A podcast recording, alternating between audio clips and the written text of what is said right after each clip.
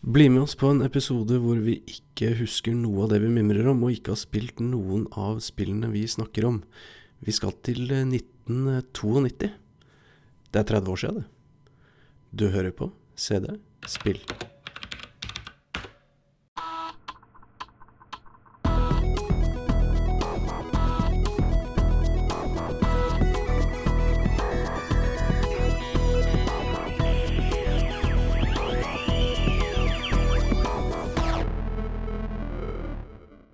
Snøen eh, faller, og eh, lyset fra CRT-skjermen eh, krangler med lyset fra peisen i kjelleren. Vi er inne i slutten av året, og vi er her i din favorittpodkast CD-spill, hvor vi snakker om gamle spill på gamle datamaskiner med gamle menn som føler seg veldig unge til sinns. Oh yeah. Jeg heter uh, Sigve og er en uh, fullstendig ubrukelig pro-gamer Uh, som heldigvis får lov å drive og snakke om disse gamle spillene. Og jeg har med meg min kumpan, min medjulenisse, Mr. Mamen. Ja, julenisse med hjelper Mr. Mamen er klar til årets siste innspilling, som har blitt litt forsinka fordi ja, juleforberedelser og stuff. Eh, det er jo en del av eh, opplegget, det. Eh, det er helt riktig. Vi har årets siste innspilling. det blir ikke en hvilken som helst episode denne gangen. Vi skal snu oss tilbake Jeg skulle til å si ti år. Vi skal snu oss tilbake 30 år. Blir ikke det riktig? Til, jo, til 1992. Det er, skal, lenge siden. Overraskende lenge siden. Hvor vi skal uh, se på uh, litt uh, hva som skjedde da, sånn spillmessig. Og vi skal se litt på hva vi husker sånn spillmessig. Mm. Og så er vi så heldige å ha fått noen uh, hilsener fra venner av oss, som også skal si litt om ja, hva de husker fra 1992. Så det blir Dette blir en helt sjukt koselig episode. Ja, jeg gleder meg til altså, I fjor fikk vi så mye koselige hilsener, så jeg tror vi har fått uh, like mange i år. Så det, det blir uh, fint å høre på. Jeg gleder meg. Og jeg har selvfølgelig fått med meg en eh, kledelig bitte liten forkjølelse og drikker varm te ut av en gamingkopp. Så jeg er, jeg er veldig klar for Ja. uh, vinterens mimreepisode. Ja, Burde vært gløgg, da. Det, det var litt, eh, litt feil. Ja, jeg vet. Den T-en burde jeg kanskje ikke innrømt. Jeg kunne jo løyet og sagt at det er gløgg, men eh, jeg treng, jeg, vi kjører transparent. Ja, Transparent eh, åpenhetskultur i, Ja, i det gjør CD-spill. det, altså. Ja. Det gjør det. Jeg merker at det står, er bilde av Super Mario på den koppen din, så det Ja, det er ikke sant. Det er, her er det en hel del som egentlig ikke burde tas med. jeg fikk den i gave. Ja da, det er veldig hyggelig. Hva blir det neste? At jeg begynner å spille Amiga-spill? ja. ja. Like før kan det at det dukker opp en Amiga på julaften til en av oss, da. Det hadde vært noe. Ja. Så må jeg jo si, eh, når vi er inne på dette med åpenhet og ærlighet, eh, si, si at det er gamle menn eh, som snakker om spill her. Eh, det er jo kvinner her også, men den kvinnen som har vært her og snakka, hun er ikke gammel. Nei, Jeg vil si at hun er ung. Hun er ung. Hun har riktignok doktorgrad, da, så det, det Hun har en doktorgrad, nylig skjønte jeg, gratulerer med det. Eh, men Anette, du eh, regnes absolutt som en av gjengen, Mm. men du er ikke en av de gamle mennene. Det er du ikke. Nei. Du er rett og slett en ung kvinne. Eh, Ja, faktisk. med doktorgrad, da. Med doktorgrad. Jeg har ikke noe doktorgrad. Jeg tror ikke du har noe doktorgrad. Absolutt ikke. Jeg bikka faktisk 40 siden forrige gang vi prata sammen, så jeg begynner å bli ordentlig gammel mann, jeg nå. Ja, det gjorde du søren meg også. Eh, og det, jeg gratulerte deg vel fem minutter over for sent. Eh, men det var jo i hvert fall bare fem minutter over for sent, da. Veldig hyggelig. Fordi du minte meg på det. Ja da, jeg er såpass ydmyk at jeg kan minne vennene mine på at de må huske å gratulere meg med bursdagen. Vet du hva? Jeg, jeg syns det, eh, det er en praksis som flere bør bruke. Jeg syns det er helt i orden. Mm. Så slipper man å gå rundt med dårlig samvittighet. Støttes. jeg har bursdag. Si at du er glad i meg. Jeg er glad i deg. Og så er begge fornøyde. Ja, enig. Men nå er det nok om det. Men vi har vel én ting til vi skal ha tenkt til å prøve å kåre i løpet av denne episoden. Hva, hva, hva skal vi prøve å få til? Eh, vi eh, Ja, litt eh, senere i episoden eh, så skal vi begynne med noen kåringer. Mhm. Eh, og vi skal eh, faktisk være så vågale at vi kårer det beste spillet fra 1992. Kult. Så får vi se litt hvor det havner. Og hvis det kollapser fullstendig, så har vi heldigvis en ny kåring hvor vi skal kåre um, beste episode av CD-spill.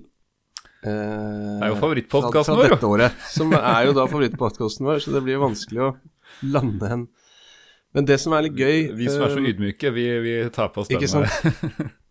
Og eh, bare for å ikke kutte moroa for tidlig, så har vi også til slutt en kåring.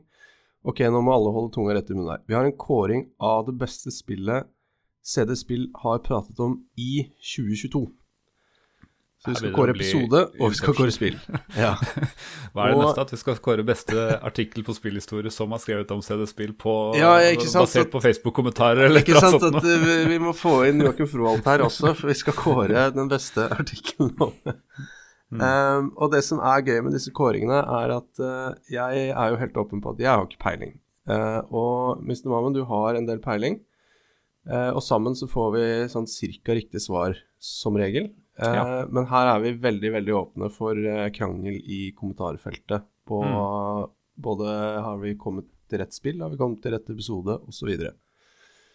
Um, så det blir en morsom avslutning. Jepp. Skal vi begynne med en av de mange tilsendte bidragene før vi ser på hvilken spill som kom ut i 1992? Um, litt uh, vilkårlig, eller kanskje alfabetisk, uh, ja, litt vilkårlig, så havna Alex Espeseth, som uh, vi har hatt med som gjest her i Grim Fandango faktisk i år. skal vi høre hva han har å si. Hei. Mitt navn er Alexander Espeseth. Um, vi skal jo se tilbake på spill som var fra 1992. Det morsomme er at jeg var ikke født i 1992. Men spilla fra den tida der, de ble med meg inn i barndommen. Eh, fra 1992 så har jeg et eh, veldig spesielt minne. Det er med ingen ringere enn Putt Putt Joins the Parade. Som jeg husker at vi, vi var på besøk hos en uh, vennefamilie. Hvor alle barna samla seg rundt PC-en og så på og bytta på å spille Putt Putt Joins the Parade. Det var um, det morsomme med det var jo at jeg visste jo ikke at uh, Humongous Entertainment var uh, Ron Gilbert som sto bak, blant annet. Som jeg senere skulle finne ut har laget favorittspillet mitt, da. Monkey Island 2. Så jeg bare husker veldig godt at vi dro stoler fra kjøkkenbordet opp til PC-en for å sitte og um, nistirre inn på skjermen mens den som satt foran og spilte, bare trykka på alt de kunne tenke seg, og det bare skjedde så mye rart. Og det, det er ingen logikk på en måte i spillene her, så det, jeg husker også at det var mulig å gjennomføre noen um, av de uh, minispillene, eller de minigamesa, som uh, Uten å måtte gjennomføre de, sånn som å klippe gresset for å få penger, var det egentlig bare å gå inn i uh, minigamet, og så gå ut igjen, så var det som at du hadde fullført det. Så jeg husker vi spilte det i hjel og fant alle sånne småting her og der. Det er et, et, veldig godt minne fra 92, uansett om det skjedde ikke i 92. Takk. Så hyggelig å høre eh, et minne om et spill som jeg eh, ikke har spilt, eh, og som jeg tror kanskje fort hadde hoppet over. Og det er vel litt av grunnen til at vi prøver å involvere våre lyttere, for å, for å få litt mangfold her. jeg, måtte jo, jeg måtte jo inn og google når han snakka, um, og jeg uh, skjønner jo at det traff på den tiden, mm. for det her er jo jeg, får, jeg har aldri spilt det. Jeg så det nå, men det er jo nostalgihit umiddelbart. Med mm. en helt sånn sykt koselig grafikk. Jeg vil si på vei inn i liksom Rayman-generasjonen eh, grafikkmessig. Eh, mm. Men fortsatt eh, pikselerte kanter og ja, sterke farger. Og, eh, rett og slett Jeg skjønner det, at de koste seg med Putt Putt Joins the Parade i barndommen. ja. bra, bra spill. Ja, og dette er jo en av grunnene til at jeg har fått inn litt uh, hjelp også. Vi fikk jo mange gode minner uh, sist òg. Men jeg har vært, kan jo bare si det foran, jeg har vært litt strengere med, eller vi har vært litt strengere med regien. Og vi, vi har uh, sagt at vi må ha PC-spill, eller data, dataspill i hvert fall. Og vi ja. må de må liksom, det var noen som holdt på veldig lenge, og det var koselig, det, altså, men vi har sagt uh, maks to minutter. Så det er grunnen til at det blir litt annerledes stil i år enn i fjor. Så de som hadde håpa på å få at noen andre skulle ta seg av alle, alle Nintendo-spillene i år, det blir nok eh, dårlig med det på denne podkasten eh, fra våre gjester. Dessverre. For da får de heller komme som gjest og så snike til seg et segment hvor de snakker om eh, før vi rekker å skru av mikrofonen. Det er mulig at vi ikke får tid til å blokkere linja før, før han sniket seg under uten å begynner med Amiga, vet du. Snakke Ja. om Amiga, og så begynner vi å lure, og så bam, så er vi plutselig over i noen konsoll og Nei, vi må Ja. passe på. Det er mange, mange måter komme Mm. Jeg tenkte vi skulle gå litt gjennom noen spill eh, før vi hører neste minner. Bare litt sånn vilkårlig her. Jeg sitter med en liste foran meg, du sitter kanskje med en annen liste. Så mm.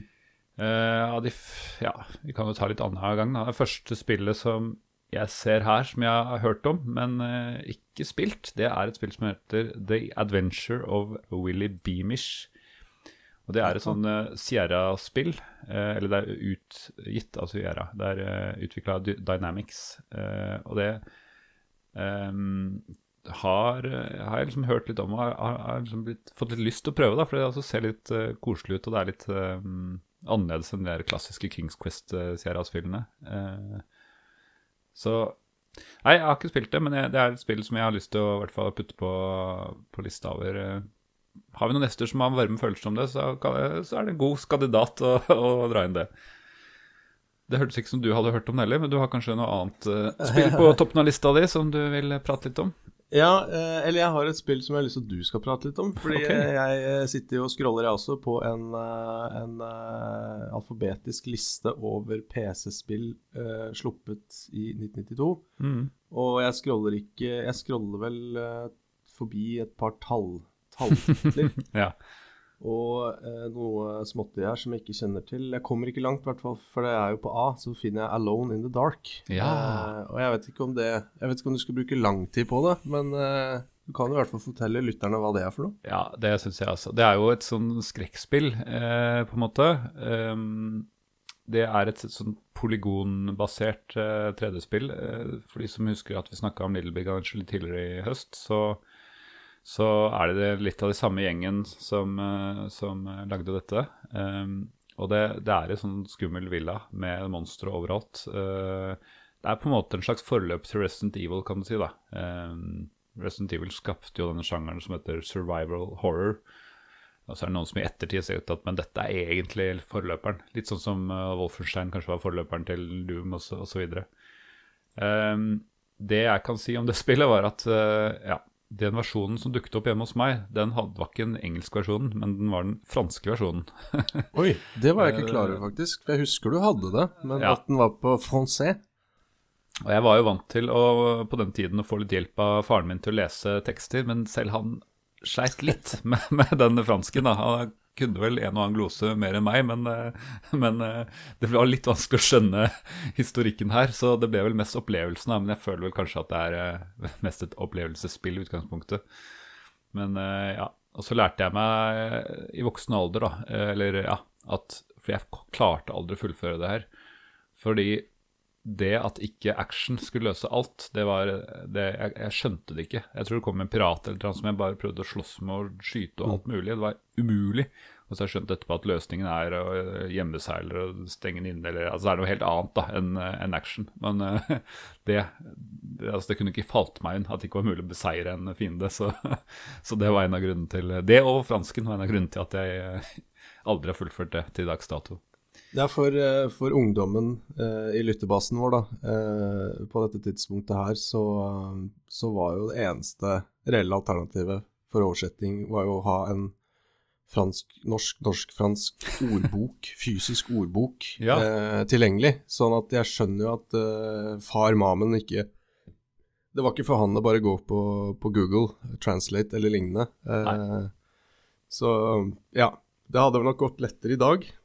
Ja da. Men du hadde lært mer. Ja, den det var tiden. det, da. ja.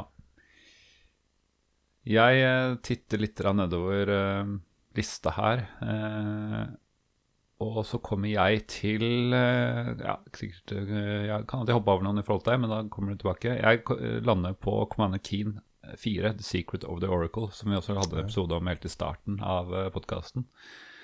Altså denne super uh, Altså drømmende superhelten som het uh, Blaze, Billy Blaze, men som kaller seg Commander Keen, som, uh, som er kanskje det mest, mest, kjente plattformspillet som var lagd kun til PC, da. I hvert fall på den tida. En av de pionerene innen PC-plattformspill, kan jeg kanskje si. Definitivt. Og jeg vil jo si de lagde et godt produkt òg. De fikk det til å være et bra plattformspill på ja med et innsnitt av uh, open world, hvis vi strekker, uh, strekker oss litt. ja da, det er sånn over, over, uh, hva heter det, oververdenskart som mm. kjenner fra litt sånn konsoller og sånn vi ikke skal nevne navn på. ja, vi har jo en episode om vi prater går i dybden. men ja, jeg vil si de klarte å lage en god maskot, selv om det er ikke noe jeg savner i dag. Det må jeg jo innrømme. Jeg nevner, nevner fort eh, før vi går videre i bokstavene her, for vi er sånn røftlig synkronisert på, på alfabet ja. her. Eh, jeg ser jo også at eh, Det er kanskje ikke originale, for det ligger et tall ved siden her, men jeg ser at i 1992 så ble det sluppet Battle Chess 4000. Ja. eh, og det er vel Skal vi se, jeg kan jo klikke meg inn og se her, da. Eh, det er nok kanskje ikke Ut ifra eh, screenshotsen her, så er dette en eh, oppfølger, ser det ut som, som er mer uh, fancy og utbrodert. Ja. Men jeg hadde bare lyst til å nevne Battle Chess, uh, for det har jeg av en eller annen grunn mange gode minner fra, uh, fordi det var det spillet som var på et tidspunkt. Jeg kunne mm. ikke sjakk, men jeg kunne klikke på ting, og da skjedde det brutale henrettelser og voldelige Ja, forskjellige voldshendelser ute på sjakkbrettet, da. Ja, jeg, altså, jeg, jeg, husker liksom ikke helt tittelen på dem. Jeg også har spilt mye av de der Eller spilt noen sånne sjakkspill hvor de brikkene liksom slåss mot hverandre. Og jeg syns det var mye gøyere enn selve sjakken. Men, uh, mens folk som faktisk kunne sjakk, syntes det kanskje var mer irriterende. de Nei, jeg var aldri plaga av at jeg ikke skjønte Jeg visste ikke om jeg tapte eller vant, eller mm. uh, Det var liksom bare Det var bare gøy, det. Mm. Uh, ja, jeg ser her at originale Battle Chess ble sluppet i 1988. Ja. I hvert fall på Amiga. Ja, vi, uh, ja. Ta bare forbehold med en gang at vi kommer sikkert til å bomme litt på de årene her. Fordi det er eh, mye sånn re-releaser og sånne ting som gjør at det kan komme opp på et år som ikke det egentlig var riktig. Så det får vi bare ta forbehold først som sist. Uh, og apropos sjakk, så så jeg også at det sto her uh, Chess Master 3000. Det så litt kjent ut når jeg ser de bildene. Så er mulig jeg har spilt det òg, men sjakk er sjakk, liksom. Så det er litt vanskelig å, vanskelig å si, altså. Men, men. Og så har jeg bare lyst til å nevne at det er et spill her som heter Bible Builder. Oi, i alle dager. Det, hvis noen har hørt eller kjenner til Bible Builder, så vil vi gjerne høre om det eh, gjerne. i kommentarfeltet. Veldig gjerne. gjerne. Jeg tror vi skal høre på et nytt uh, minne. Ja. Uh, da har det kommet til Eirik Gjerløv, som har vært gjest ganske mange ganger. Fire, kanskje. og vil gjerne dele med oss hva han syns var beste spill fra 92. Ja, eh, spill fra 1992 Det er jo et, bare ett spill eh, som det kan være snakk om. Dessverre, hvis du søker opp det spillet her i dag, hvis du søker opp Fate of Atlantis på Google, så dukker det opp en eller annen slags Assassin's Creed eh, som ikke i det hele tatt fortjener å havne over Indiana Jones and The Fate of Atlantis. Som eh, kom ut i 1992. Som er også, tør jeg påstå, det beste point and click adventure-spillet. Um, det har i hvert fall formet meg uh, som gamer uh, på en måte ingen andre spill har gjort. Fantastisk historie. Uh, spennende karakterer, bra voice acting. Eh, kjempebra musikk, selvfølgelig. Eh, og ja, og bare en spenning og liksom multiple pass med hvor du eh, Altså om du skal reise med Sophie Hapgood eller ikke. Eh, dette spillet lærte, lærte, meg engelsk i stor grad. Eh, jeg hadde ikke kunnet frasen 'you fat tub of lard' hvis ikke det var for Indiana Jones. Og det å, det å si 'excuse me' um, når man starter en samtale, det var også en viktig, viktig del av det her. Um, jeg husker fortsatt den sitrende gleden av å våkne opp klokka sju eh, lørdag morgen og løpe inn på datarommet for å kjøre opp PC-en og kunne eh, snakke med dørvakta Biff, for så å banke ham ned i bakken med å trykke på null på tastaturet. Eh, og for så å finne ut at jeg ikke klarte å starte spillet. Men for et spill. Er, nå er jeg så glad. Eh, nå, tusen takk, Erik Gjerløv. Du har gitt meg eh, den beste julegaven jeg kunne fått. Eh, jeg hadde jo Jeg så jo det til min store glede når jeg scrolla listene her over eh, released i 92. Mm. Der kom jo søren meg Fate of Atlantis, altså Indiana Jones Fate of Atlantis. Uh, så det skulle jeg jo ta opp. Mm. Uh, men uh, tusen takk for at du snakket om det spillet, som også har formet jeg vil si min gaming-oppvekst, min engelskkunnskap. Og det, det Det er jo på lista. Det er på lista vår. Ja, altså, jeg gleder meg til å snakke om det, det Og- spillet med pass og alt mulig rart. Ja, det, Ja, og- det, ja. Og, og noe, for det var, jo, det var jo på den første lista, altså når vi starta denne podkasten og noterte ned ja to- brainstorma. Ja. Og grunnen til at det ikke har kommet ennå, er rett og slett fordi at det spillet det er så stort og verdifullt for meg, og eh, åpenbart for den som kommer til å bli gjest i denne episoden, at jeg har liksom ikke tørt helt. Jeg har liksom skjøvet på det, skjøvet på det, skjøvet på det. Fordi ja, det er for meg er det så stort spill, da. Eh, så um, Nei, takk for en veldig fin julegave, Eirik. Den eh, Da kan vi egentlig bare droppe de andre, for min del, altså. Og gå til kåringer, og da vet du hvilket spill jeg skal kåre. Så se om det kommer noen gode contesters etter hvert, da. For, eh, for eh, ja. Nei, det er noe med at vi har eh, faktisk ikke dekt så mange Lucas Art-eventyrspill som jeg trodde. For jeg var litt redd for at alle de har jeg så gode minner fra at vi kommer til å bare burne gjennom alle de på første året. Men det er litt bra at vi har klart å posisjonere det litt ut, så det jeg tror jeg vi skal fortsette med. Så blir det, så blir det mange for Lucas Art-spill eh, fortsatt vi kan eh, prate om i de neste årene. nå, jeg bryter litt med alfabetiske rekkefølge her, jeg. Uh, for jeg har, jeg har en uh, Altså, dette også er jo et uh, sjanger Ikke brytende, men etablerende. et plattform Altså, det, dette er datamaskin, og datamaskin er dette. Mm. Det er rett og slett Minesweeper. Oi, ja! Det, Det, er jo det fant jeg angis som utgitt i 1992 på da Windows 3X-systemet. Ja, jeg har ikke eh, sjekka den tre Windows-lista, ja, men det er sant. Mm. Det er, selv, det er, det er Så- legendarisk spill, altså. For det er jo Man kan jo ikke kalle det annet enn et storspill, faktisk.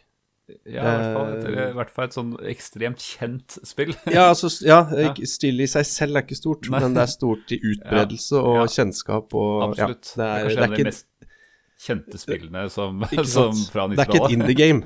Nei, det er ikke det. Så, Nei, det er sånn så lett, det- lett å lære og alt. Det er gode oppskrift på en suksess, det der.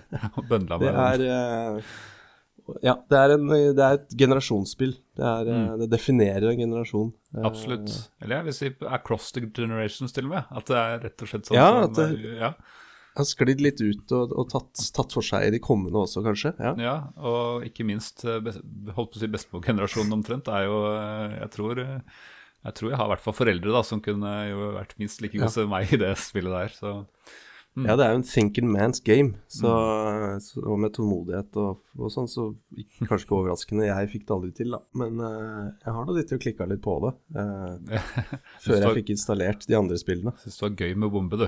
du prøvde å finne bomba. Bomba, bomba var gøy. Ja. Det var det. Ja. Yes. Um, jeg eh, titter litt nedover her, lista, jeg også. Um, så kommer jeg til Gunship 2000. Nå hoppa jeg også litt eh, ut av order her, Mm. men eh, det er jo også et uh, helikoptersimulator. Og det begynte tydeligvis allerede i 92 og skulle kalle ting 2000, for det var jo fremtiden. og det var, det, var det man gleda seg til. Jeg ser når jeg går inn på at det står release 91, men det var sikkert uh, Ja, da er det mulig en re-release, men det spiller ikke så mye rolle. Det er, er et uh, helikoptersimulator, kampsimulatorspill som jeg husker jeg spilte mye. Tror aldri jeg fikk det til, og sånn, men eh, det var ikke så viktig. Det var, var gøy å føle at man flydde litt rundt og Ja, det Og ser jo liksom- tøft ut. absolutt. Og det var en del kule sånne uh, Sånne briefing Altså sånne pre-rendra scener, da. Altså selve spillet er jo selvfølgelig um, i et slags form for 3D, men det var en del sånne briefingscener og sånn som jeg husker var uh, kule, kule animert. Så har du spilt det, forresten? Jeg har dessverre ikke det. Det ser absolutt ut som et spill jeg ville forelska meg i. Jeg skulle til å si det. Eh, og siden det er sluppet i 91-92, Mm. så sikkert ikke kjempeintrikat å, å få til, da. Eh, men eh, med et slags Ja, det er 3D-omgivelser, det er det. Ja. Det er det. Og med da en, en, en sprite, sprite cockpit, da, med stilige, stilige Mm. tall og ja, dials og Ja, Så- jeg hadde likt det veldig godt På eh, dette- hvis jeg hadde kommet over det. På dette tidspunktet hadde jo Microsoft eh, Flight Simulator allerede oppe i sånn sju eller noe sånt, for de hadde jo holdt det gående lenge, så de hadde jo kanskje vært pionerene i sånn 3D-rendring av landskap, da, men uh, dette var jo et ordentlig spill. Da skjønner du, har jeg funnet et spill her eh, som eh, Ja, de mener her ble sluppet i DOS i 1992. Og det kan jo hende at vi har en fyr som har lagt, lagt inn en melding til oss også, som kanskje liker det spillet her, jeg veit ikke, men Moonstone, A Hard Day's Night, ble altså sluppet til DOS i 1992. Eh, og det er jo et spill jeg aldri har hørt om, aldri spilt. Og det gjelder vel kanskje deg og Mamon? Ja, det har vi snakka om. Jeg visste ikke at det fantes engang. Jeg tror det er noe som uh, Mr. Moonstone har funnet på, men uh, det fins stadig mer treff når jeg googler på det, så han har gjort en veldig god jobb der. Så um, vi kan jo høre da fra eh, Det Han var vel heter- et Han heter Torbjørn. Ja, det var eh, jo faktisk sånn at det kom til Amiga 91, og da valgte han å ikke ta det frem. Så nå han har, han grått i et år, Ja. så jeg vet ikke om han eh, tør å prøve igjen i år, eller om han valgte noe helt annet. Vi får, Men altså, eh, Torbjørn, dette er en DOS-podkast, så neste gang, da, så tenk DOS. ja. Tenk DOS. Ok, skal vi høre på han? Det gjør vi. Hallo, dette er Torbjørn, som kjernekarene i CD Spill gjerne liker å kalle Mr. Moonstone. Glemt er fjorårets fadese. 1992 var et svært godt spillår for eh, PC og Amiga. Flere vil nok eh, nevne helt velfortjent Fate of Atlantis eller Dune 2.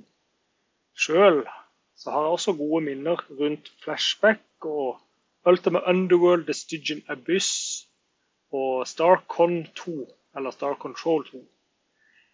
Og jeg kunne til og med nevnt Kryos KGB Conspiracy. Men jeg vil heller trekke fram et annet Kryo-spill, som CD-spill allerede har tatt for seg, nemlig Dune, også kjent som Dune 1. Dette ble allerede utgitt 1.1 det året, ifølge IMDb. Det var et kjempespennende adventure-spill, hvor man løste mysterier, rekrutterte Fremen-klaner, utvant spice, forhandla med smuglere, og mot slutten så slåss man både taktisk mot Harkonnen Invasion og terraformet Arrakis. Isved dette kom spørsmål om lojalitet, forræderi og en nydelig liten klype romantikk. Alt var stemningsfullt belagt med et mystisk og fengende soundtrack som faktisk også ble utgitt på plate som June Spice Opera. Vi spøkefullt sa i kompisgjengen i 1992-1993 at det fantes to Dune-spill. Ett bra og ett dårlig. Og Dune 1 var det beste for min del. Ja, se der, ja. Der fikk han eh, Jeg hørte jo litt eh, smerten i stemmen der. At han følte han ikke kunne snakke om Moonstone siden det kom til Amiga i 91. Ja. Men vi anerkjenner det. eh, vi anerkjenner det. Eh, Uh, han, uh, han nevnte jo et spill uh, som jeg for så vidt hadde klikka meg inn på her, på lista, som du er ganske glad i, Mm. hvis ikke jeg tar feil.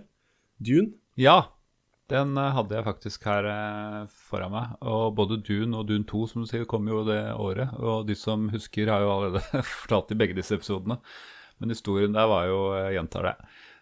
var jo altså at sjefen for Virgin hadde mm, hadde både bestilt begge deler. da. Jeg hadde først gått til eh, Cryo, og så hadde han glemt å kansellere det, på en måte. Eller eh, jobba litt videre med det i secret, mens Westwood eh, lagde sin versjon. Og så plutselig endte de opp med to som ble utgitt med veldig bare noen måneders mellomrom. Men eh, ja. Nei, Jeg er enig med Torbjørn, det sa jeg vel også, at uh, Dune 1 er en sånn perle som faktisk funker i dag og er skikkelig kult. Uh, litt sånn blanding av ta taktisk eventyrspill. Det er veldig sånn merkelig sjangerblanding som bare var Og fantastisk musikk som er skikkelig, skikkelig kult. Uh, og Dune 2 er jo også den uh, milepælen i RTS-sjangeren uh, som ikke har holdt seg så bra. Men altså, musikken er jo Frank Klepaki. Han leverte allerede da, han. Mm. Og det er noen legendariske scener der. Det er bare litt vanskelig å spille det. Men fy søren, mm. det, altså, det, er viktig spill begge deler. Altså. Jeg må, må, si det. Så ja, takk for at du minnet oss på de, Torbjørn. Eh, jeg tror ikke vi skal snakke noe mer om Moonstone enn det vi Nei, allerede har gjort, for det, der kommer vi til kort. Det tror jeg vi må Der må vi ha de rette folka. Ja, det må vi nok. Jeg øh, er sånn halvveis alfabetisk foreløpig, ja, mm. cirka. Men jeg, for jeg bare kom over Jeg så her et spill jeg tror jeg har spilt, øh, som heter Grand Prix Unlimited. I alle dager. Um, og jeg må legge trykk på jeg tror jeg har spilt det. Jeg bare syns jeg dro kjensel på uh, hva skal jeg si, grafikken. Uh, og jeg lurer på om jeg spilte Altså, dette er jo et, åpenbart dette er et Formel 1-spill. Uh, eh, bilsimulator. Mm. Hvor du ser et Til å være 1992 decent 3D-miljø.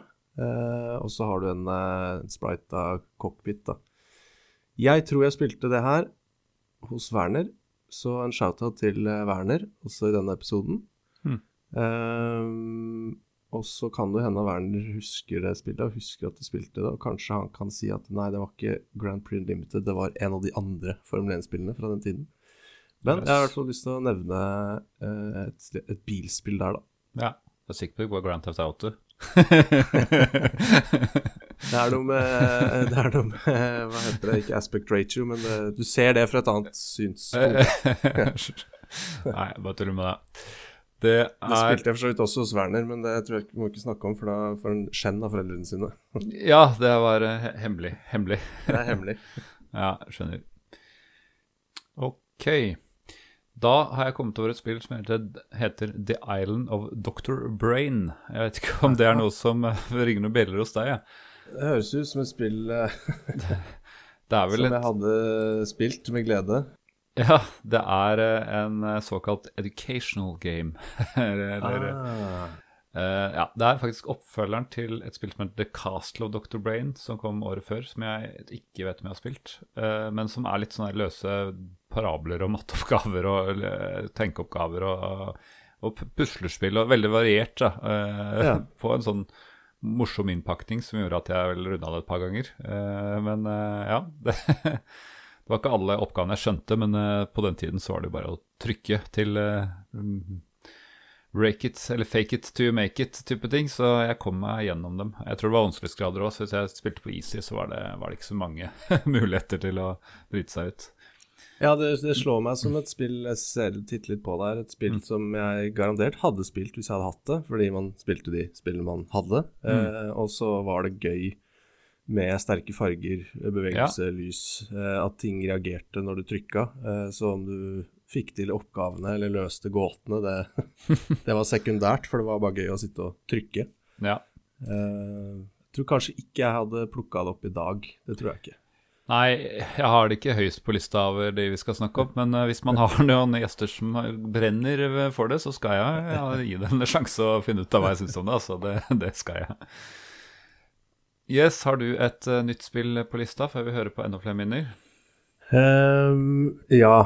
Uh, det har jeg i høyeste grad. For jeg traff jo på en favoritt til jeg her nå. Uh, Verden. Nei, hva er det jeg sa? Ja. Hvis du går gjennom det, ja, ja. så finner du noen contesters her. det er oppfølgeren til en av mine absolutt favorittspill. Uh, jeg husker faktisk ikke å ha spilt dette så mye. Det er rett og slett uh, klassikeren Home Alone 2, Lost in New York. uh, og om de har sluppet like mange versjoner til like mange plattformer som Home Alone 1, da, det mm. vet jeg ikke. Men den riktige versjonen til den riktige plattformen Det fant jeg i hvert fall her. Jeg ble sluppet eh, til DOS da i 1992, som er jo da et uh, sidescrolle-spill hvor du har tid på deg til å løpe rundt da i Dette blir jo da i New York, eller i huset i New York, da, siden det er fra filmen, film nummer to. Sette opp feller og gjøre klar huset, sånn at når tiden går ut, så kommer jo kjeltringene. Og hvis du har satt ut fellene riktig, så går de i nok feller, og så gir de på en måte opp. og da vinner du spillet, da. Og det er jo samme gameplay som i eneren, som ja. jeg har spilt en eh, hel del, og som er en av de få spillene jeg har runda flere ganger, ja, også i oppveksten. Så uh, litt passion der. Det, toeren kom i 1992, ser jeg. Det er kult. Jeg har vel ikke spilt toeren, jeg heller. men Eller sa du at du hadde spilt toeren? Jeg er faktisk litt usikker på om jeg har spilt toeren. den ser jo helt lik ut som eneren, og er nok eneren bare reskinna. Jeg men, tror jeg var borti det første gangen vi prata om eneren, så det, jeg tror mm. kanskje det er der det stammer fra. Men eh, ja, jeg har eh, Det er ikke det høyeste på lista over spill jeg har lyst til å at jeg tar opp. Det kan jeg jo, såpass kan jeg avsløre fra ja. min innstilling til Omland 1 osv. Ja, jeg, jeg, er skuff, jeg er skuffa, men uh, ja. Det er greit. Vi tar Noen, det, vi kan eh, ta det opp senere. Vi får ta, ta det, ta det. Jeg sier jeg er ikke langsint, men jeg Nei, husker veldig godt. Vi, vi, det, er, det, er en fin måte å si det på. ja. Skal vi se. Da har jeg veldig lyst til å høre hva eh, Froholt, eh, Joakim Froholt fra Spillhistorie har å si. La oss høre. Altså Hele perioden fra 1990 til 1995 cirka, var jo en vanvittig gullalder for spill. Så å trekke frem ett spill fra 1992 er jo nesten umulig. Først så tenkte jeg å velge Ultimate Underworld, som ikke bare er et av tidenes beste og viktigste rollespill, men også forfaren til spill som Dishonored og System Shock. Og fa faktisk er veldig gøy i den der i dag. Og så slo det meg at Star Control 2 også kom i 1992. Og det er faktisk et spill som lett kan toppe min liste over tidenes beste spill. Så da ble det det. Star Control 2 er litt for stort til å få beskrevet ordentlig på to minutter, så det må jeg bare gi opp. Men uh, kort sagt så finner det sted i en sånn fjern fremtid der menneskeheten og de sine allierte har tapt en stor krig, og i årevis har vært slaver under noen insektaktige romvesener som kalles Urkuan.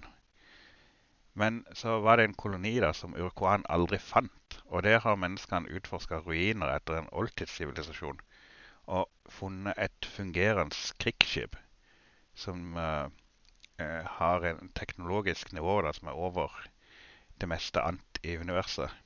Du er kapteinen på dette romskipet, og nå må du skape en ny allianse uh, for å prøve å bekjempe Urkoan.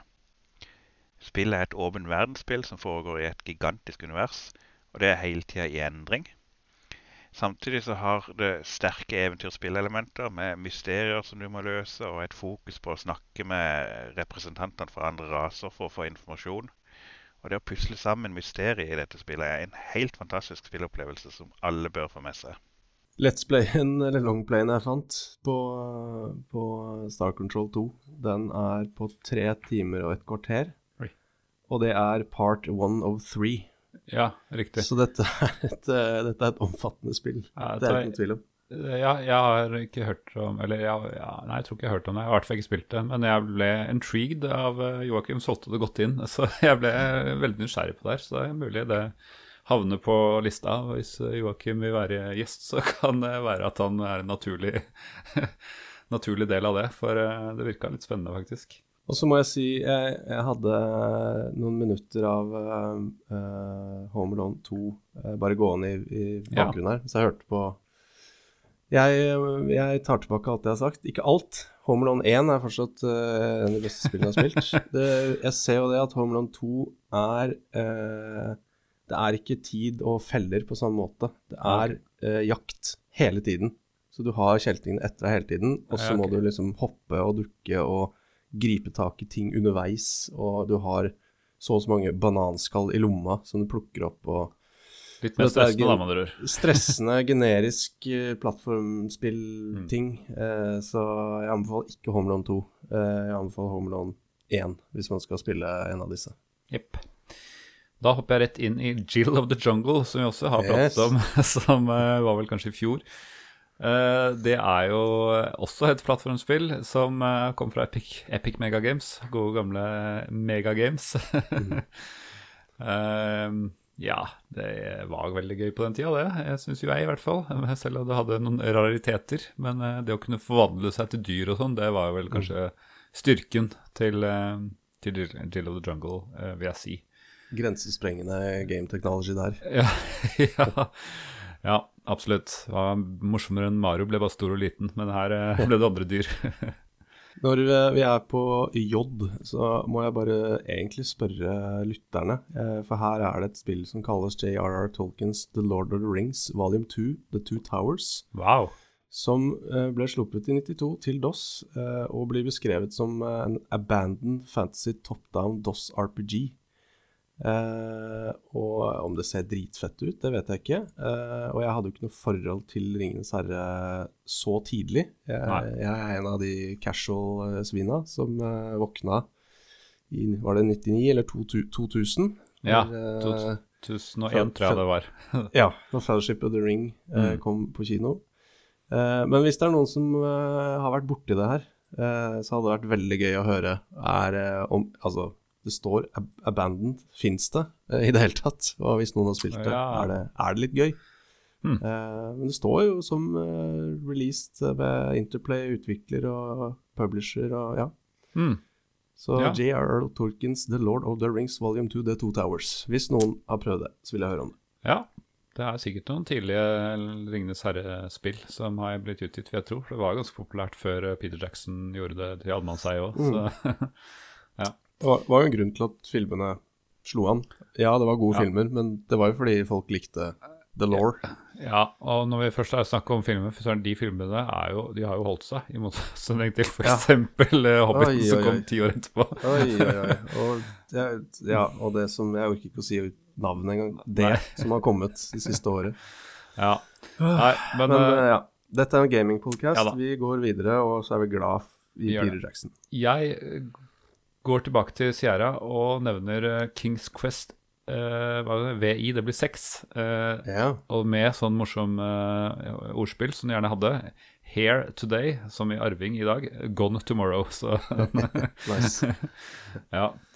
Eh, som jeg, vet hva, jeg, det er shame, shame on me. Jeg har ikke spilt uh, sekseren. Jeg spilte de tre første, tror jeg, og så falt jeg av. Så sikkert alle andre mener at jeg spilte de tre dårligste og alle de gode kometer, men det får jeg bare stå, stå i. Men uh, det er jo en klassisk serie, da. Jeg kom til eh, ja, seks aller- allerede i 1992, så hadde det kommet til seks. Tenk på det, ja. Mm. Tenk på det. Så mm, jeg vet at det er mange som har eh, gode minner om serien, og jeg kan jo for så vidt si at eh, jeg, jeg syns kanskje Kings Quest 2 var en av mine favoritter. For det var mye magi, og du skulle blande dine egne miksturer og spells og alt mulig rart. Og det, da blir det jo gøy. Så får jeg bare beklage at jeg ikke kan eh, øse på med varme følelser for eh, den, denne utgaven, men det er jeg helt sikker på at eh, andre, bare at de har nevnt det, gjør at de i hvert fall blir, eh, blir litt varm om eh, gaminghjertet sitt. Jeg har scrolla meg ned til S, og der ligger jo da Secret eh, Agent, som vi har snakka om, eller Secret Agent Man, eh, som jeg mener det heter, og da blir for kort Sam. Eh, Ja! Som er eh, en av mine ja, favorittplattformspill. Eh, kan være fordi det var det eneste jeg hadde en periode, i 92. Eh, Det er jo eh, også et innslag av open world, eh, hvor du går mellom brettene i en slags overworld, som i, som i Command Keen, f.eks. Mm. Um, og så er det vel Vi konkluderte vel med at det er ikke, en, det er ikke et plattformspill i så måte, det er et puzzlespill i plattformformatet, hvor du da må Ja. uh, finne keycards uh, og nøkler og låse opp noe i ene enden av brettet, for å så gå tilbake i det som da ble åpnet på andre siden av brettet. Og, ja. Mm. Eh, vi var ikke enig der heller, eh, men jeg syns det er Ja. et veldig gøy eh, Og de har jo en sånn remastera release som gjør det spillbart en dag i dag, så Stemmer. jeg mener det er fortsatt kult. Det er notert, for å si det sånn. Nei, de trenger ikke være enige om alt. Det er faktisk kjedelig hvis du skal være enige om absolutt alt, så det, det er greit. Nå har jeg lyst til å høre hva Terje Høybakk, vår eh, hva skal vi si, eh, ridder i spillhistorie.nos kommentarfelt, eh, har, har å, å si til oss. Hei, Mamen og Sigve. Takk for sist, og god jul. en favoritt fra 1992, det er ikke så lett, for der er det litt å velge mellom. Og uh, sjøl om jeg holder meg til ting som er godt kjent for DOS-brukere også, så er det fortsatt veldig mye å velge mellom. Men jeg jukser bitte litt, og så plukker jeg ut de to flipperspillene Pinball Dreams og Pinball Fantasies, for begge to kom ut i 1992 på Amiga, og de hører på en måte litt sammen. Så jeg spilte de begge to veldig mye i veldig mange år. Uh, I jakten på enda høyere high score og klare å fullføre modusene, få tak i den dømmerade jackpoten. For det er vel riktig å påstå, tror jeg, at Pinball Dreams var første gangen et flipperspill ble gjort veldig bra som videospill. Det eksisterte selvfølgelig tidligere forsøk, men eh, det var jo først eh, Pinball Dreams var jo det første spillet fra Digital Illusions, som vi kjenner som Dice i dag, må vel nesten nevnes. Det er veldig realistisk flippersimulator, i hvert fall for den tiden, med en ganske imponerende fysikkmotor som inkluderte ballspinn, blant annet. Og sjøle spillbrettet inneholdt eh, ingen urealistiske elementer, var bare ting som du fant i en ekte maskin. Sjøl alle de forskjellige bryterne som ballen må rulle over for å aktivere ting, var synlige der. Eh, så hadde du fantastisk grafikk og lyd og uovertruffen spillbarhet eh, så langt, i hvert fall for flipperspill på datamaskin. Og oppfølgeren Pinball Fantasies kom jo samme året og bare gjorde alt større og bedre, egentlig. Altså, to, to spill som holdt et, bare et skyhøyt nivå. Så ja, helt klare favoritter for meg i 1992. Kult. Vi, jeg kjenner ikke de to spillene, men jeg tviler vel på at det finnes en, en datagamer i verden som ikke er kjent med pinball. ja, ja, det er sant. Flipperspill. Eller en ikke-gamer heller, for den saks mm. skyld. Jeg måtte jo sjekke da, rekkefølgen her, for disse kom i 92. Og det eh, som da heter 3D Pinball Space Cadet. Så de fleste som har hatt ah, som er kjent med Windows Ja, det var, var bøndla med Windows 95, var det ikke det? Uh, ja, for det, det står her i hvert fall på Wikipedia at det kom i eh, 1995. Mm. Og det rimer jo greit med, med Windows 95. Uh, ja. Eh, utgitt av Maxis, faktisk. Oi, wow. Trodd. av alle. av alle. Nei. Så, um, så, ja, da er vi jo, er vi, jo vi er pinball-fans, vi alle sammen. Ja. Bare forskjellige generasjoner, tydeligvis. Jeg tror at jeg det første pinball-spillet jeg spilte, var det som Epic Megagames ga ut. Epic Pinball. Eh, jeg tror det var det. Men ja, det var sånn, jeg syns det var eh, litt kult, men så ble det litt sånn ensformig. Eh, kanskje det ikke var godt nok. Jeg vet ikke. Men absolutt, jeg skjønner jo det er jo en veldig enkel ting å, å liksom lage et spill av. Og jeg ser jo at det er en litt mestringsfølelse her med at du må både time og nudge og ja. Jeg har ikke vært noen stor spiller av pinball i virkeligheten. Men eh, jeg, jeg, har begynt å se jeg, hender jeg ser folk spiller det, og det er dritrått på de som kan det. Å se åssen de bare nailer det greiene der. Det er dritfett, men uh, sjæl. Jeg har ikke sjans. Jeg har ikke i hånden og reaksjonsevne til, uh, til å spille pinball. Uh, men ja, det er derfor det er veldig gøy å se på folk som er, er gode på det. Yes. Uh, Maxis slapp jo det, og det bringer meg jo elegant videre til et spill jeg kom over på listen her. Mm -hmm som jeg egentlig tok med bare fordi jeg, eh, jeg vil vite hva det er for noe. Eh, og det er rett og slett Sim Life, eh, som da ble sluppet til både DOS Mac og Windows 3-versjoner i 92. Kult. for det har jeg hørt om. Uh, og så tror jeg kanskje du veit bitte litt om det, Mammen? Nei, det, dessverre. Det er en av de som jeg har gått glipp av. Men jeg kjenner jo til lista over Sims-spill, så jeg kunne nok plukka ut hvis det hadde vært et reelt mm. spill, men det er, det er, det egentlig. Det, det stopper der, ja. Uh, da tenker jeg at vi kan jo liksom slenge ut den, for vi har jo hatt SimAnt mm. uh, ja. som episode. Så hvis folk er gira, da, så bruker jeg gjerne en episode på å utforske ja, hva er Sim Life, da? Mm. og er det er det, har det holdt seg, rett og slett? Det er sant. Vi, ingen, ingen, spill er for smale for CD-spill. Det har du vel lært innen nå. Mm. Jeg tror jeg må gå til spillet som jeg trodde skulle være lykke på jord, når jeg så at uh, en jeg tror faktisk var Benedikt i klassen, hadde et spill som het Mario. Det het uh, mer spesifikt Mario is missing. Jeg bare Endelig skal jeg som PC-spiller få et Mario-spill. Det blir så kult. Jeg gleder meg. uh, og så viser det jo dette seg at ja, for det første er jo Mario borte, som må spille med Luigi. Men det i seg selv er ikke, det, er, er ikke så ille, da. Det, det kunne være bare litt kult. Men det er jo et sånn educational game. Uh, og mye dårligere enn dette tidligere educational game. For du, du skal gå rundt på forskjellige lokasjoner i verden, gjennom sånne rør, selvfølgelig. Og så skal du lære om f.eks.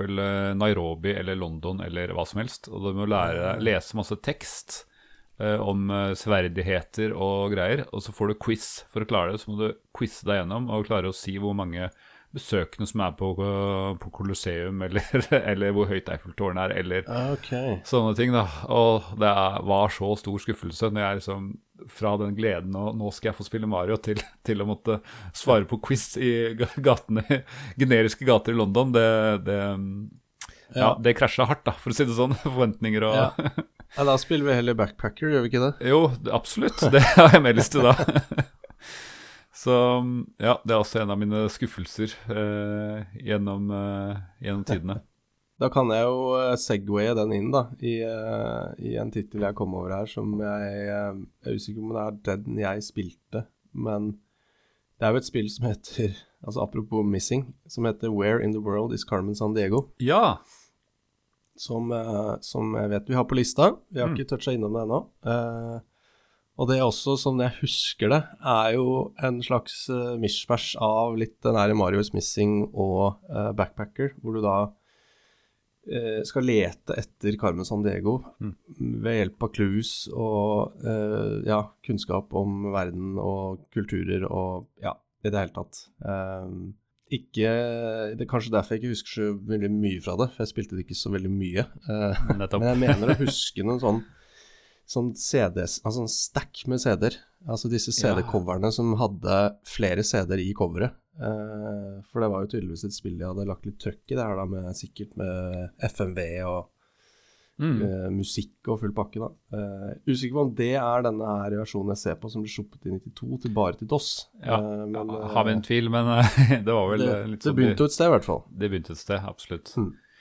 Nå har jeg lyst til å høre på hva eh, en helt ny eh, person som fra 90-tallspodden eh, spurte jeg om ville mimre litt om oss. og det er alltid hyggelig med noen nye stemmer, og se hva de har å si.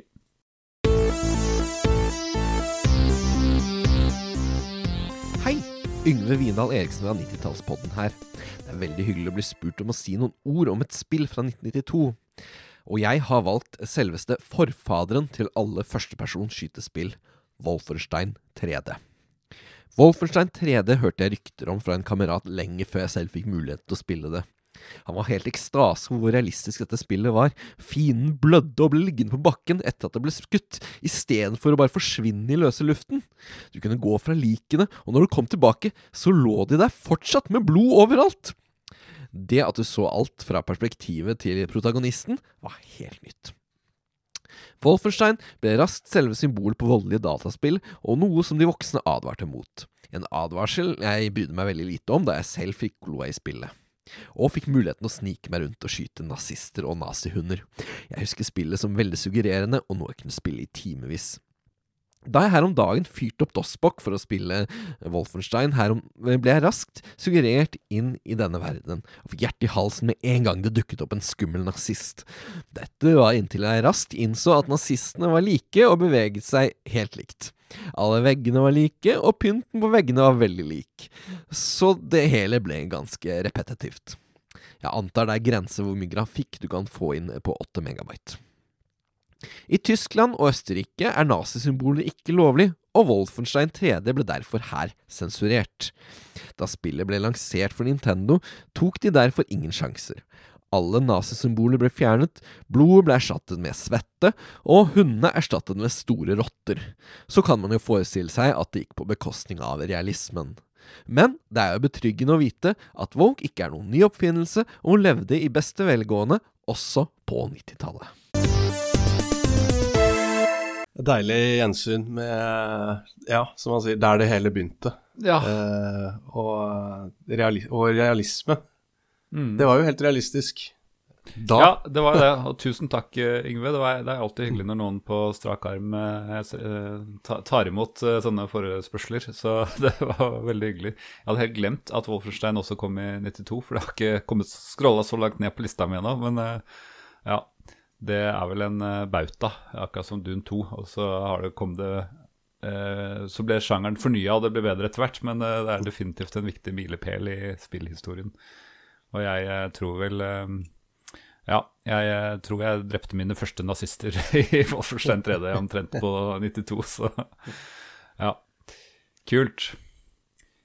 Ja, hva mer er det vi har på lista da, Sigve? Jeg har ikke helt scrolla meg klart den ennå, men har du en på Jeg tunga? har, ja, jeg har funnet uh, en, det jeg tror Det ser ikke helt ut som det er riktig spill, ellers er det en annen variant, men jeg har i hvert fall funnet noe som heter Winter Supersports 1992. Ja, det høres ut som nok et sånn eh, nesten noe annet spill. Ja, og det er sånn eh, Det ligner For det er jo eh, De har jo skøyting, og de har altså skøyteløp, og de har Jeg lurer på om det her er ikke helt riktig, for det, det jeg leter etter da, eller tenkte på, er jo om det het Altså, dette har vi vært Ja. usikre på før. Om det het Winter Det Games, ikke eller om Winter det Games, det heter noe sånn The Winter The Challenge eller The Challenge Ja, ja. Games eller sånn The Winter Edition. Det var sånne rare ting som ennå begge har falskt minne om at det het Winter Games. Ikke sant? Ja, Eh, Jeg skjønner hva du det- tenker på. Det, det spiller vi ikke Ja, der, ja. Da fant jeg det på Wikipedia. Uh, skal vi se når releasen her, da. Ja, det er altså uh, The Games. Ja. Winter Challenge. Ja, det var, det var nesten alt annet Det- jeg var innom. Ble sluppet til DOS i 91 Riktig. og kom til Genesis-plattformen i 92, så sånn halvveis innafor, da. Eh, for det har jeg spilt en hel del og vært frustrert over at eh, når du går eh, skøyteløp, så trekkes du stadig mot, eh, ut mot høyre, ut mot høyre, ut mot høyre, til du slutt ikke kommer deg av flekken. Og det har jeg ennå den dag i dag ikke løst, hvordan jeg får til det. Nei. Men en dårlig kopi av uh, The Games The Game The Games Winter Challenge Ja. som heter uh, Winter Supersports 1992, ble sluppet i 1992, da, hvis noen er nysgjerrig. Kanskje det er lettere å gå på skøyter i det spillet. Jeg vet ikke. Det kan hende. Jeg uh, har sett at det er i hvert fall en del uh, ja, Ultima-spill som kom i 1992. Eh, I hvert fall Ultima Skal vi se eh, 7. Det tar litt tid å konvertere sånne romertall til, til uh, vanlige tall. Um, The Black Gate, det er vel det, altså, jeg vet det er mange som har veldig gode minner om uh, Ultima. Jeg må bare se, fordi jeg blander dem så, så sykt. De, ja, jeg har ikke spilt så mye akkurat sjueren. Jeg tror det var sekseren jeg spilte mye av. Men jeg lurer på om sjueren er en av de der eh, jeg virkelig burde spille. For eh, jeg, det er noen som, eh, som hele tiden eh, drar fram at det tror det er en av de beste Ultima-spillene. Så det kan hende at jeg får gleden av å fordype meg i kanskje neste år. Men eh, Ultima-serien generelt er jo helt legendarisk. eh, hvordan Richard Garriott bare lagde Altså lærte seg å programmere ved å utgi spill, basically. Altså. Så, og brukte sin egen inspirasjon fra kjelleren hvor han hadde sånn, eh, sånn nesten sånn katakomber. Hadde sånn maze i, i kjelleren. eh, og lagde da Dungeon Dragons Fest for vennene sine, og da etter hvert så lagde han da kombinerte, kombinerte dette med programmering, og det ble liksom Britannia og greier, med Avatar som reiser dit. Yes, nå har jeg babla nok om et spill jeg egentlig ikke kan, eh, så nå tenkte jeg vi skal høre på våre gode, gode venner i eh, Spell, eh, som skal fortelle hva de har eh, minner om fra 92. Hei, hei, hei. Mitt navn er Håkon Puntervold og kommer fra podcasten Spill. Og jeg sitter her sammen med min kompanjong Adrian Haugen. Hallais. Vi har fått den o store gleden av å være med i denne episoden for å dra frem våre favoritter fra det herrens spillår 1992. Adrian, da spør jeg, hva er din favoritt? Nå fikk vi jo streng beskjed at vi skulle kun ta med PC-spill. Jeg velger å ta med begge deler. Eh, enkelt for meg når det kommer til konsoller. Det er jo selvfølgelig Selda A Link to the Past. Og på PC så er det jo selvfølgelig Wolfenstein 3D, som min far introduserte meg for. Og en liten fun fact. Jeg husker ennå koden faderen lærte, meg for å få eh, mer liv, som var lim. Nice. Jeg ønsker å fremme et spill som faktisk er blitt eh, delvis slakta i denne podcasten. Og det handler om ei dame som er ute i en jungel. Jeg snakker selvfølgelig om Jill of the Jungle, lagd av Epic Games back in the day. Fin plattformer. Kanskje ikke holdt tidens tann, men gode minner. Oh yeah. Morsomt da, med litt kontrovers der. Jeg Ja. kasta ut en liten brannfakkel, og at vi har nevnt det nå når vi har gått gjennom lista. Ja, de gutta der, de veit jo aldri hvor du har. Jeg må jo jeg, Vi snakka litt om det når vi forberedte oss her. Jeg, jeg har, jeg har gått og båret på inn i denne episoden båret på en uh, ubehagelig hemmelighet. Um, fordi det skjedde noe i 1992 som jeg det? må nevne. Hmm. Uh, og det er jo at da kom uh, Super Nintendo til det europeiske markedet. Oi, oi, og ikke bare kom Super Nintendo, da kom også Zelda A Link to the Past. Og selv om jeg ikke hadde Super Nintendo, så er uh, Zelda A Link to the Past en av de spillene som uh, beveger meg sterkest den dag i dag, emosjonelt, når jeg hører uh, musikken og Oi. ser bildene. Og spesielt musikken fra denne fegrotten med vann på gulvet, et sånn harpespill, som eh, Når jeg hørte det på en sånn eh, live eh, sånn symfonikonsert oh, da, med forskjellig spillmusikk, uh, ja, det er fint. og hun på harpe dro i gang den, da choka jeg, liksom. Så vi, vi er jo anti-konsoll, men eh, siden det var det han trakk fram, så sier jeg bare takk. Det var veldig ålreit å få et lite gjensyn. For det, det er en av mine sterkeste spill- og konsollminner, faktisk. Du verden. Jeg begynner egentlig å gå ganske tom jeg, for spillet jeg har kommet over på 92-lista mi. Jeg, eh, så dette blir litt sånn nød. eh, Jeg gikk inn på Windows 3, som du eh, allerede For Windows 3 kom i eh, 1992, nemlig. Eller 3.1 i hvert fall. Ja. Uh, og der fulgte det med tre spill. Uh, Minesweeper har jeg vært innom allerede. Uh, og så står det at det var, også var Hearts og Solitaire, altså Kabal, da. Så. Så her har du mange flere minner. Så det er i hvert fall bestefars generasjon okay. som har spilt ja, ja, ja, men det må nevnes, så det Mm. ble sluppet i 92, ja. For det også er vel et spill man har spilt noen ganger Ja. eh, opp, opp igjennom. Og det spilles vel en dag i dag rundt omkring på forskjellige offentlige kontorer.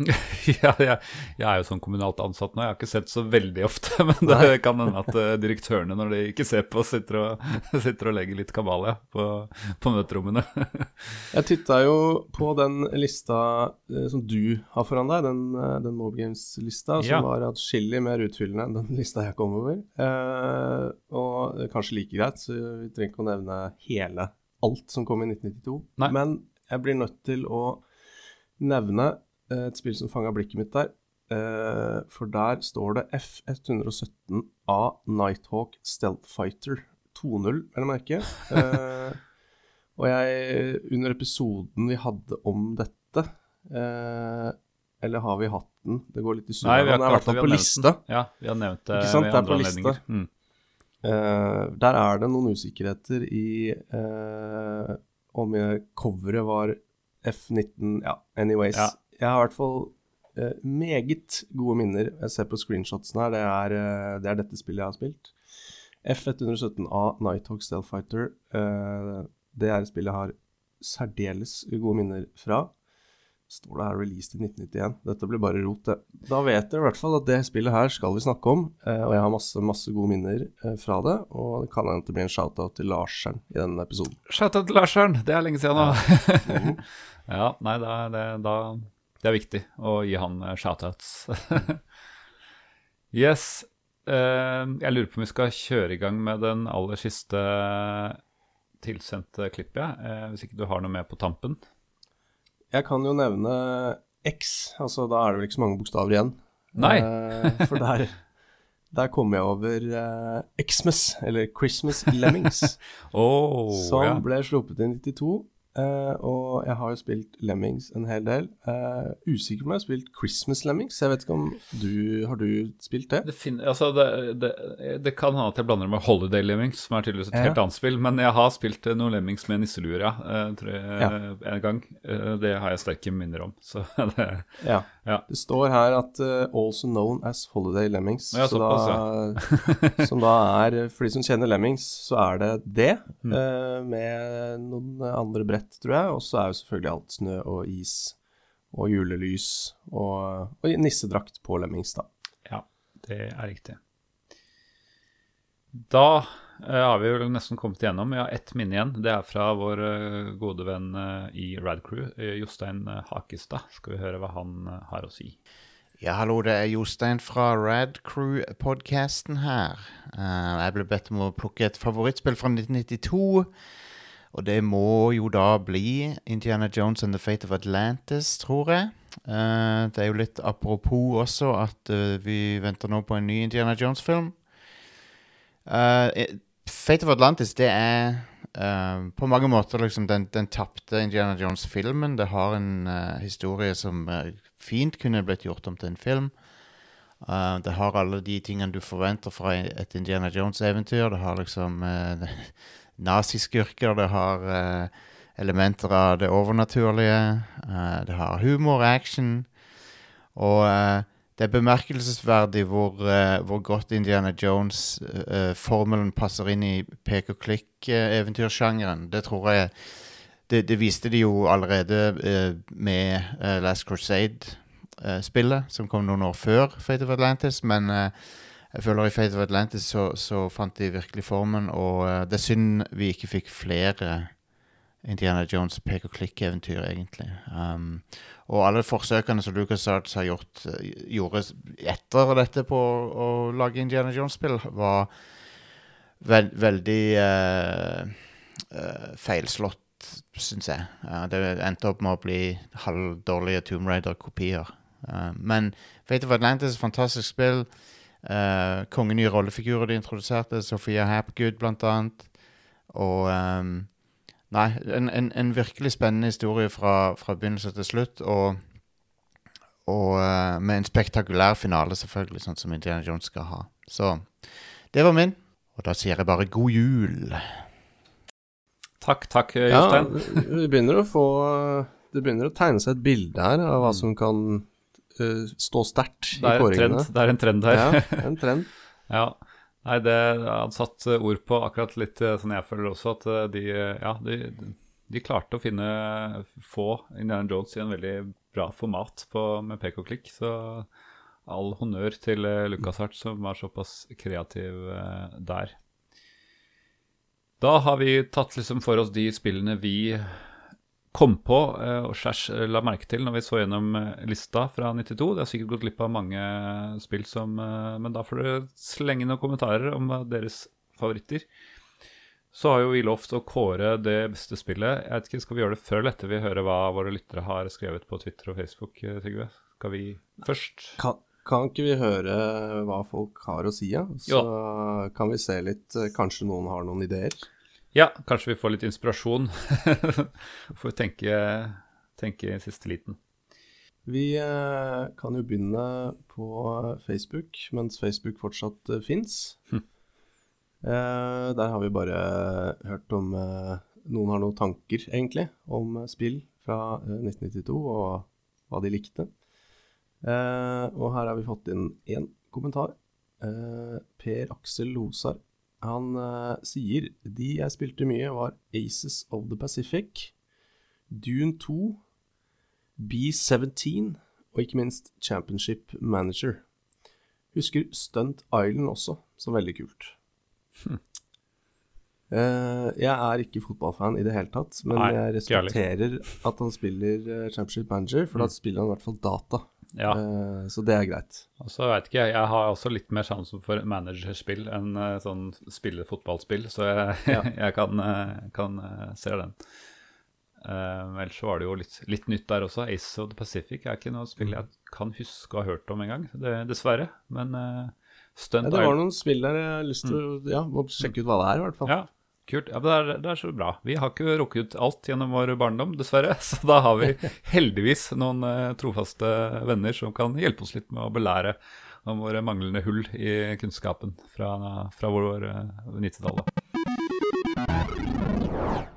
Hello, Mr. Mamen bryter inn fra fremtiden, for det kom inn et par fine kommentarer etter at vi hadde spilt inn episoden, som jeg syns fortjener plass. Eh, Så da begynner jeg på eh, Kjetil Hartvigsen, som skriver Årets beste nostalgitripp, Ducktails-episoden. Takk for det. Eh, Beste episode og spill, det er Cannon Fodder. Og når det kommer til 1992, så skriver han For et år. Da var jeg ni år og omtrent fersk eier av en sak som slutter på 500.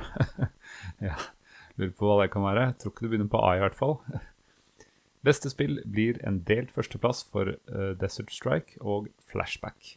Shoutout til spillet jeg aldri har spilt uh, i alle dager. Indiana Jones and The Fate of Atlantis.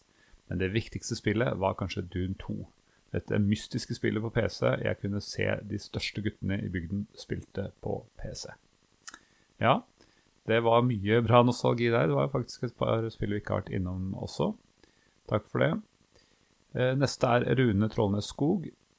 Han skriver Beste spillet fra 1992 er helt klart Indiana Jones and the Fate of Atlantis, med Quest for Glory 3, Wages of War på en god andreplass. Andre som er til å nevne, Dagger of Amon-Ra, Legend of Kirandia, Ultima 7, eh, Wolfenstein 3D og Vegia-remakene av Quest for Glory 1 og Police Quest 1. Var såpass ung eh, da at jeg, ikk- eh, at jeg husker ikke hva jeg spilte det året, men en av de første spillene jeg kan huske, er Word Rescue. Så det er mulig jeg spilte det da det kom i 92. Var gøy til å være et lærespill, men havner nok ikke på noen toppliste. Nei, disse topplistene pleier ikke å bli prega av sånne lærespill. Det er vel en lei tendens, men man kan jo ha det gøy med det likevel. Uansett, takk for eh, gode minner fra begge to. Og så tilbake til eh, Sigve som skal gyve løs på Twitter.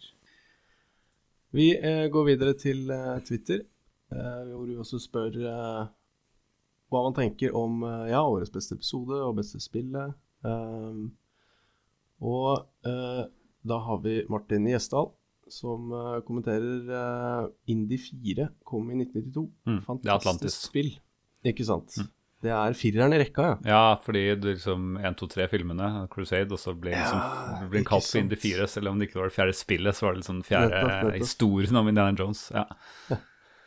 Ehm, fantastisk spill, som han sier, men størst av dem alle må jo være Wolfenstein 3D. Et sjangerdefinerende spill som også løftet shareware-konseptet til Apogee til neste nivå. ja, det er sant. Det var viktig. Det er faktisk kanskje det viktigste Apo- Apogee klarte å finne formelen på, på det shareware-greiene, som eh, skulle bli en stor suksess. Eh, Ja, at de da slapp liksom levels, var det det Ja, det var jo at de ga bort liksom ca. en tredjedel av spillet gratis, da, sånn at folk Mm. kunne liksom bli hekta, og så kunne man finne ut Mm. om man ville ha hele. Og det gjorde at de ble veldig utbredt. Det er jo sikkert derfor vi snakker om mye av disse gamle spillene, fordi vi kunne, Ja. om ikke vi hadde råd til hele spillet, så hadde vi vært og spilt Shareware-versjonen, da. Så, Ikke sant? mm. Eh, og så har han en liten kommentar på sin egen kommentar. Eh, han sier eh, Siv som beste spill og episode, faktisk. Ja. Siv, det er vel Siv 1-episoden vår, da. Ja, vi har bare tatt for den, så det er nok Ja. det. Nei, men det kan jeg jo Ja, det er i hvert fall en god kandidat, for jeg har bestemt meg for hva jeg går for. Og eh, der melder uh, Kisbjørn Threepskau melder seg på eh, der. Ja. Eh, han sier jeg er kanskje litt forutinntatt, eh, men den spillfaglige tyngden som figurerte under episoden om Civilization var formidabel. Ja, og, den, og den sto Joakim Froholt for.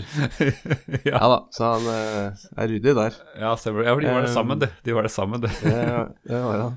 Mm. Mener det også er beste spill fra i år, eh, jf. mitt innslag fra fjorårets juleinnslag. Ja. Eh, så, så når er det Moonstone på G? ja, Vi får se. Vi får se.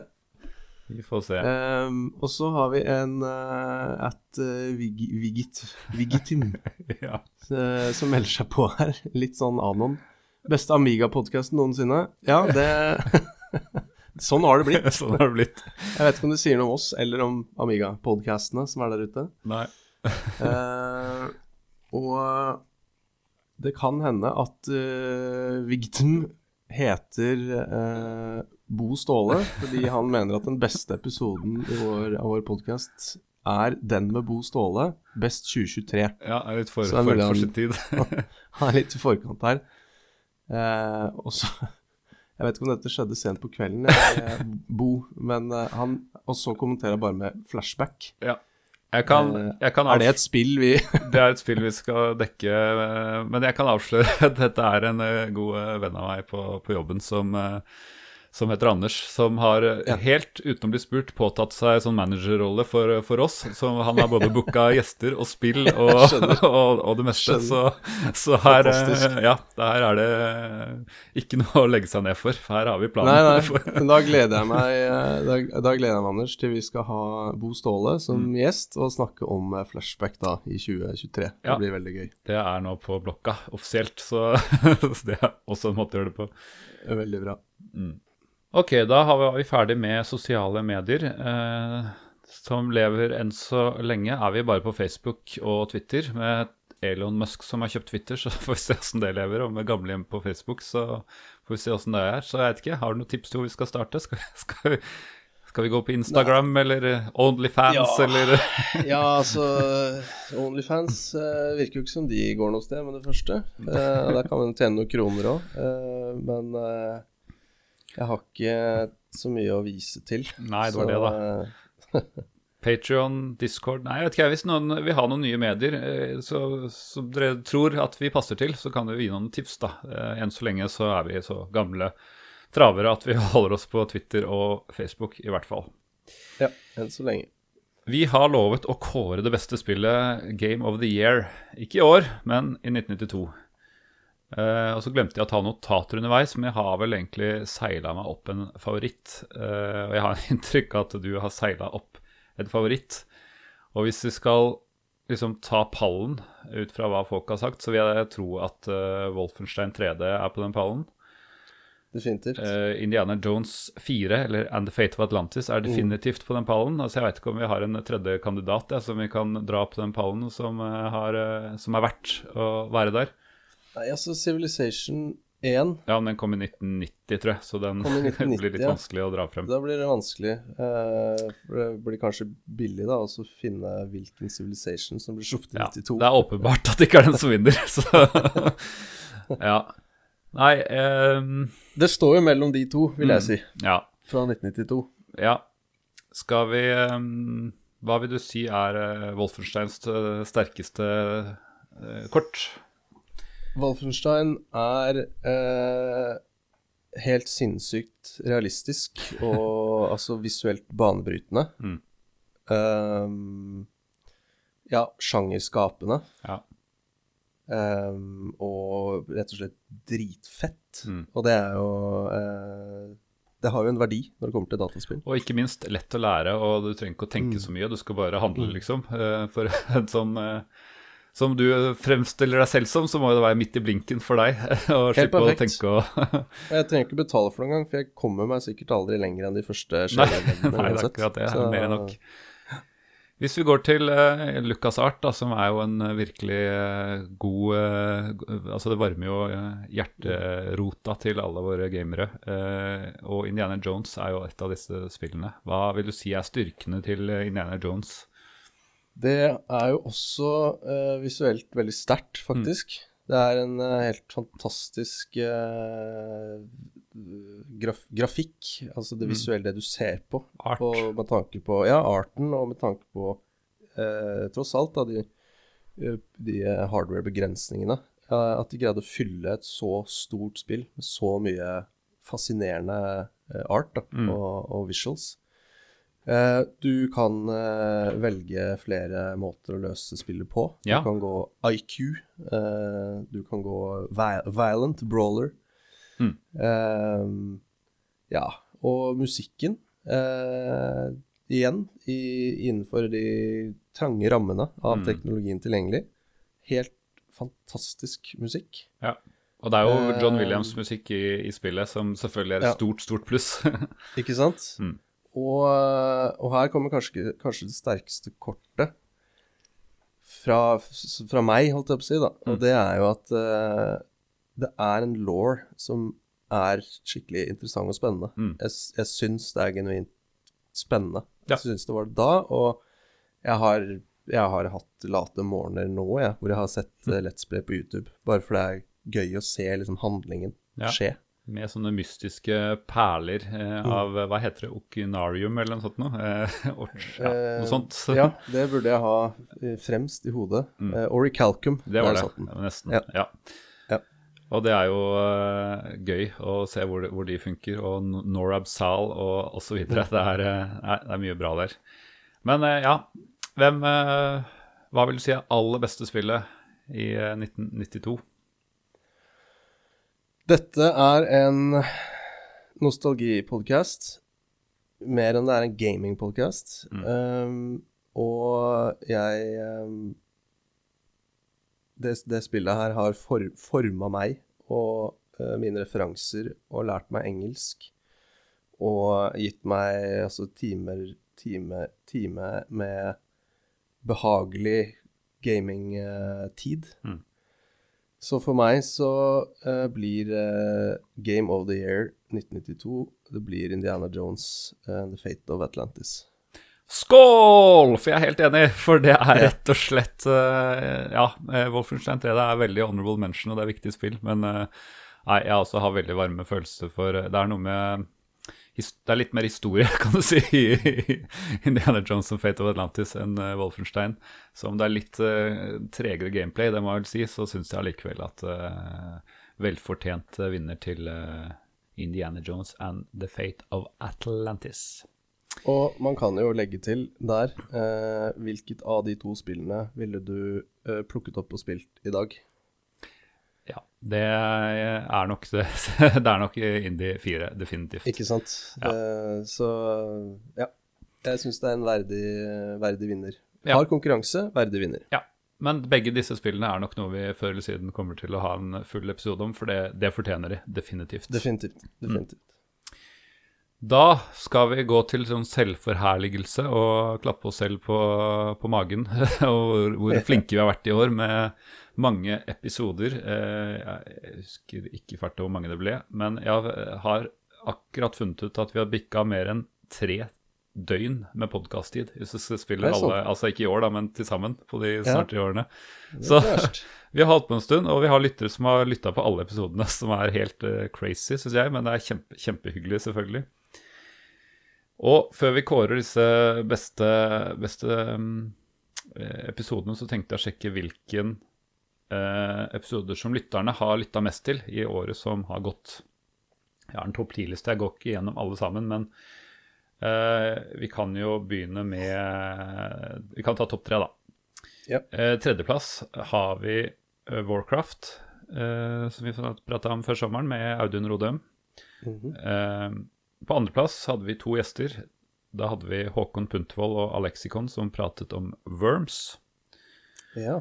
Og det mest populære spillet vi har hatt i år, har blitt nevnt allerede, det er uh, Sid Meirs Civilization. Vi hadde både Froholt og Moonstone på plass. Og det er mye gjester. Vi har hatt mye gjester i år. Eh, Jeg så faktisk over det før vi starta. Vi har hatt gjester i hver episode i høst siden Blues Brothers. Vi spilte inn på sensommeren, Ja. så vi har, eh, det har gått i ett. Og det er kjempehyggelig. Og det er tydelig at det, det blir populære episoder av det. Kanskje fordi vi ikke snakker om så obskøne spill, riktignok, men, eh, men også fordi vi har veldig gode gjester, vil jeg påstå. Men da får vi prøve å finne ut av da, hvilket spill og hvilken episode er vi mest fornøyd med eh, på egen hånd. Jeg vet ikke om du har noen eh, kandidater, jeg, Sigve? Ja, jeg sitter og titter litt på eh, altså spillene vi har snakket om da, Mm. i, i år. Eh, og så merker jeg at det, det er eh, som en erfaren eh, podkast-vert med Mm. mange episoder under beltet. Så går det søren meg litt i hverandre. Ja. Selve episodene. Mm. Så, så jeg eh, Og så er det liksom det er, Jeg har det veldig gøy, Mm. egentlig, i alle episodene. Eh, og det er liksom Det er Vi har så sykt mye bra gjester hele tiden. Eh, med masse, masse ja, god stemning. Så jeg tenker at Skal vi se her Så jeg, eh, jeg tenker rett og slett at jeg skal være litt uh, kontrær og gå litt utenfor uh, uh, topp tre. Hva, skal si, hva tallene sier, da. Du verden, du verden. Ja, det er lov, det. Eh, Absolutt. og så har jeg lyst til å eh, Også fordi jeg har lyst til å gi en liten eh, eh, liksom Beære litt. En, en gjest, rett og slett. Være litt sånn eh, Du verden, ja. Vi har mye bra gjester. Mm. Så jeg vil, si, jeg vil gjøre en kombo, fordi det kuleste spillet eh, og den kuleste episoden er egentlig det samme. Ok. Og det er eh, episoden om spillet Theme Park. Mm. Det er jo et dritgøy spill som jeg spilte masse eh, før, eh, før vi spilte den episoden. Jeg Mm. spilte det litt etterpå, og jeg, etter hvert så fant jeg ut av det her med Rollercoaster Tycoon og alt dette greiene her. Ja. Ehm, og, så det var et veldig kult spill, og det gjorde det til en kul episode. Men det som også bidrar veldig sterkt til at det ble en gøy episode, det var jo at min gode venn med radiostemmen og kunnskapen, Eirik Gjerløv, var gjest i episoden. Ja. Eh, og ja, kunnskap var vel stikkordet der, for han hadde jo tvika disse parameterne og Ja. visste akkurat hva man skulle trykke på for å tjene mest. eh, Ikke sant? Mm. Så og få prate med, med Eirik Herløv om uh, felles minner Mm. uh, fra et spill som er kjempegøy, som han har mye mer peiling på enn det jeg har, Uh, det syns jeg var en skikkelig ålreit episode. Så det Nå ble det ikke noe, noe pall og noe seleksjon, det ble bare bam. Det Ja. er den jeg mener er. Av masse gøye episoder, den er en av de med gode minner. Mest, best, best minner fra. Ja. Ja, da er det min tur. Jeg sprer, eh, siden jeg har mulighet til å gi to awards, så velger jeg å spre det på to, så får jeg brukt eh, snakka om to ting. Men eh, som den som bruker tid i post og mekker ting, så blir jeg, får jeg litt kanskje kunstvridning på det her. Og den episoden jeg syns er best og mest stolt av, det er den som var den forrige, nemlig The Seven Guest, med eh, god stemning, god musikk, eh, mye Mm. creepy eh, Ja, lydeffekter sant, og sånn, og ikke minst at jeg fikk eh, valgte å klippe inn noen intervjuer som jeg gjorde for nesten ti år siden for krydderepisoden. Eh, om folk likte det, vet, vet jeg ikke, men jeg var i hvert fall eh, veldig fornøyd med den, så jeg trekker fram det som den beste episoden. Og Mm. håper folk hører på den, sånn eh, med den eh, hvis de har gått glipp av den. For eh, jeg håper at den eh, faller i smak for andre enn meg selv også. Når det gjelder spill, så er det jo fryktelig vanskelig, for vi har vært innom veldig mye kule, kule og viktige spill, eh, og det har blitt nevnt mange allerede. Um, og det er ikke sånn eh, at jeg eh, Altså, det er jo Hvis jeg skal fort nevne noen, så er kanskje Blade Runner det spillet jeg har blitt litt overraska over, for jeg har ikke spilt det før. Um, og Tyrion også var et av de du anbefalte som jeg ble hekta på. Men ja, spillet som til syvende og sist vinner, eh, vant mitt hjerte av de jeg har spilt i år, det er eh, Grim Fandango. For den, Ja. eh, den Ja, det, var et, det er et ordentlig godspill, og det hadde holdt seg Mm. bra. Og det har en remaster, og det er eh, Nei, det er eh, Jeg må Det må vinne årets spill, som Ja. CD-spill har skrytt opp i år. Verdig. Verdig. Da har vi endelig klart å komme oss gjennom årets uh, podkastsesong, for å kalle det det. Vi, er, uh, vi tar juleferie, Uh, som jeg håper vi kan si er vel fortjent, for nå har vi stått på i lang tid. Så jeg håper at alle våre lyttere får en god jul, og tusen hjertelig til alle som sendte inn sine bidrag, både i form av uh, lydklipp og i kommentarer. Mm. Og så tar vi en ferie, og så vet vi ikke helt når vi er tilbake, men vi er tilbake. Vi har jo fått en manager, så det er, det er ikke noe tvil om Ja, ja. At, eh, Det- at vi kommer tilbake eh, på nyåret en gang. Vi kommer tilbake ved Akne valg. Dette er det manageren som styrer. Nettopp. All right. God jul! God jul!